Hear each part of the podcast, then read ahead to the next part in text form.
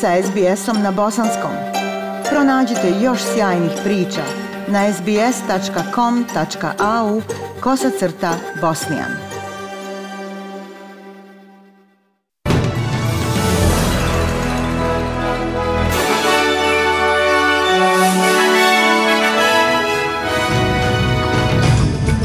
U današnjim vijestima poslušajte. Kampanja glavnih stranaka na pravoslavni uskrs sa dvobojskim obećanjima o potrošnji. Ukrajina kaže da će povratiti izgubljenu teritoriju kada bude imala dovoljno oružja od svojih zapadnih saveznika.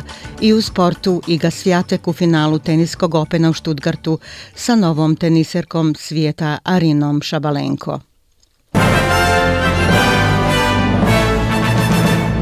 Slušate vijesti SBS radija na Bosanskom. Ukrajinski predsjednik Zelenski kaže da je njegova zemlja spremna odmah povratiti bilo koju okupiranu teritoriju kad zemlja dobije dovoljnu količinu oružja od svojih zapadnih saveznika.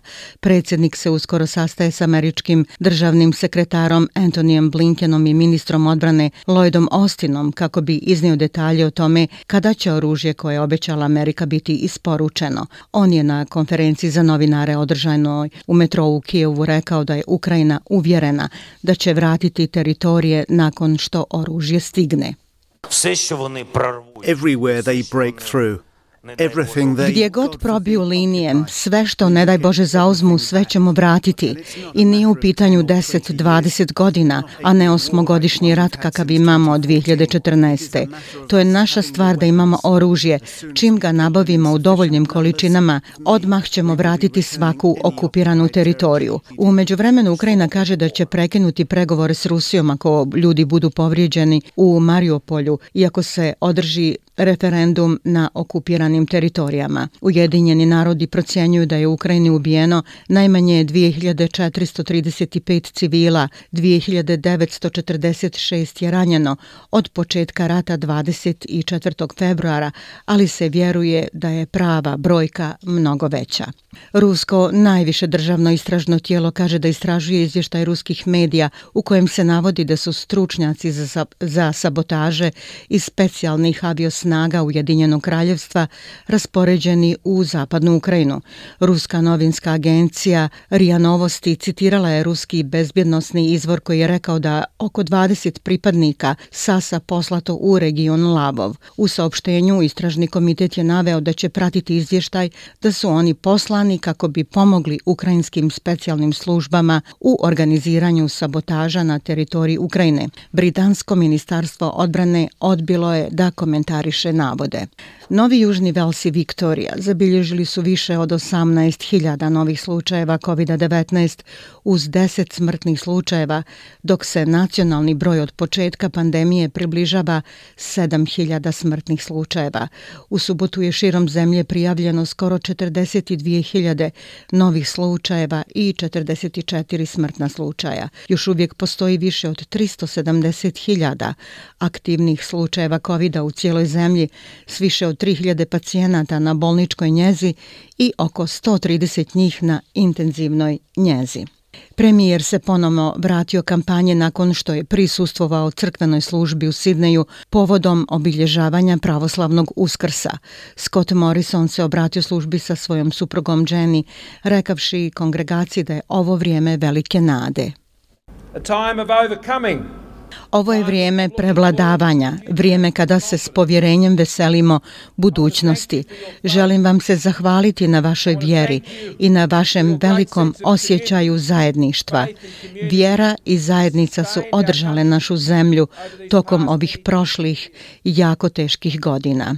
Vrativši se kampanje, premijer je obećao nižu poresku garanciju bez novog poreza na prihode, penzije, poslovne ili stambene poreze, ali analitičari kažu da će to dodati stotinu milijardi dolara nacionalnom dugu. Laburisti su umeđu vremeno iznijeli planove za poduzimanje snažnih mjera za suzbijanje multinacionalne utaje poreza. Također je obećano da će potrošiti milione dolara na rješavanje zaostalih potraživanja u odjeljenju za pitanja veterana. Grupa ljekara pridružila se pozivu da se stomatološki tretman doda u Medicare sistem. Australski zeleni već su se zalagali da stomatološke usluge budu dostupne u okviru Medicare-a. Australsko društvo ljekara za reformu sada se pridružilo tom nastojanju. Pod parol društva dr. Robert Marr kaže da mnogi Australci nepotrebno pate, a neki čak i umiru jer ne mogu priuštiti popravku zuba. On je rekao za SBS News da mnogi ljudi ne shvataju koliko je njega zuba važna za cjelokupno zdravlje.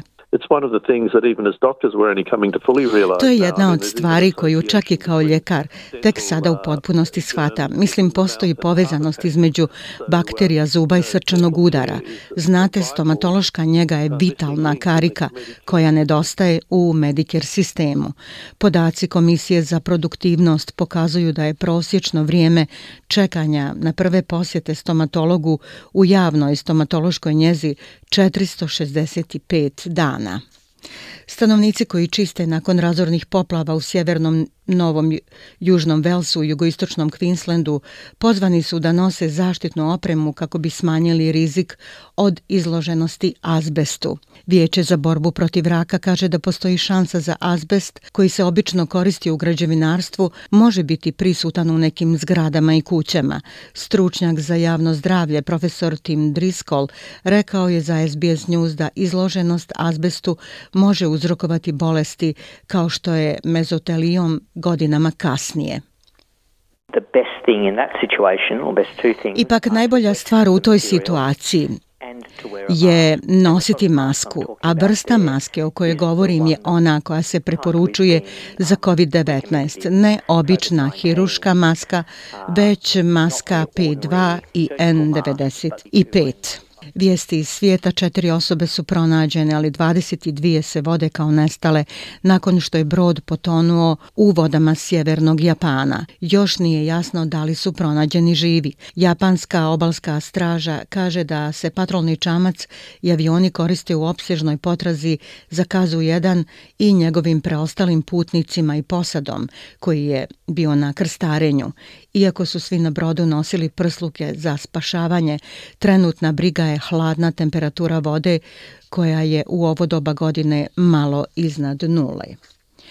U međuvremenu najmanje 12 ljudi je poginulo, a još 10 se vodi kao nestalo nakon što je potonulo više brodova koji su prevozili migrante preko Mediterana u Evropu. Sigurnosni zvaničnici kažu da su četiri čamca sa 120 migranata potonula kod obale Tunisa u sjevernoj Africi, a preživjeli su spašeni na istočnoj obali. U odvojnom incidentu jedno dijete je poginulo, a više od 40 ljudi je spašeno nakon što je njihov čamac potonuo kod obale sjevernog lučkog grada Tripolija u Libanu. Libanski crveni križ kaže da je u brodu bilo oko 60 ljudi. Imran Khan je ponovio svoje tvrdnje da je zbačen s vlasti stranom zavjerom, uprkos tome što su zvaničnici nacionalne sigurnosti rekli da to nije istina. Tokom konferencije za novinare u Islamabadu bivši premijer Pakistana rekao je da postoji saopštenje između podsekretara Sjedinjenih država Donalda Lua i pakistanskog ambasadora Asada Maid Kana. Gospodin Khan je ponovio da su Sjedinjene države skovale zavjeru da ga svrgnu s vlasti uz pomoć njihovih političkih rivala. Međutim, Komitet za nacionalnu sigurnost, sastavljen od najviših pakistanskih političkih i vojnih čelnika, kaže da je Kanova tvrdnja da je protjeran stranom zavjerom bila lažna i da sigurnosne agencije te zemlje nisu pronašle nikakve dokaze o bilo kakvoj zavjeri.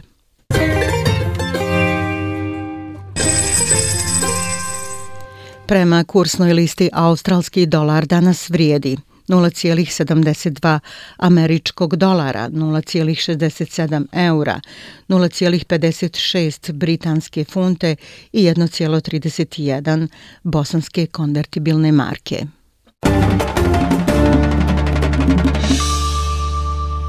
Iz sporta Iga Svjatek je nastavila svoj izuzetan pobjednički niz kako bi u finalu igrala sa Arinom Šabalenko na teniskom Openu u Štutgartu. Poljakinja Svjatek produžila je svoj pobjednički niz na 22 meča pošto je savladala Ruskinju Ljudmilu Samsonovu u teškoj borbi na šljaci za plasman u svoje četvrto finale sezone.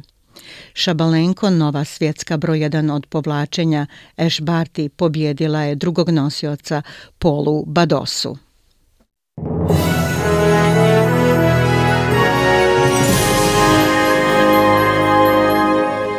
I za kraj vijesti poslušajte temperaturne vrijednosti za veće gradove u Australiji. U Pertu sunčano 29, Adelaidu 26, u Melbourneu sunčano 19, Hobartu 19, u Kamberi uglavnom sunčano 20, u Sidneju 23, Brisbaneu 25 i u Darwinu sunčano 34 stepena. Bili su to vijesti SBS radija na Bosanskom. Ja sam Aisha Hadži Ahmetović. Ostanite i dalje s nama.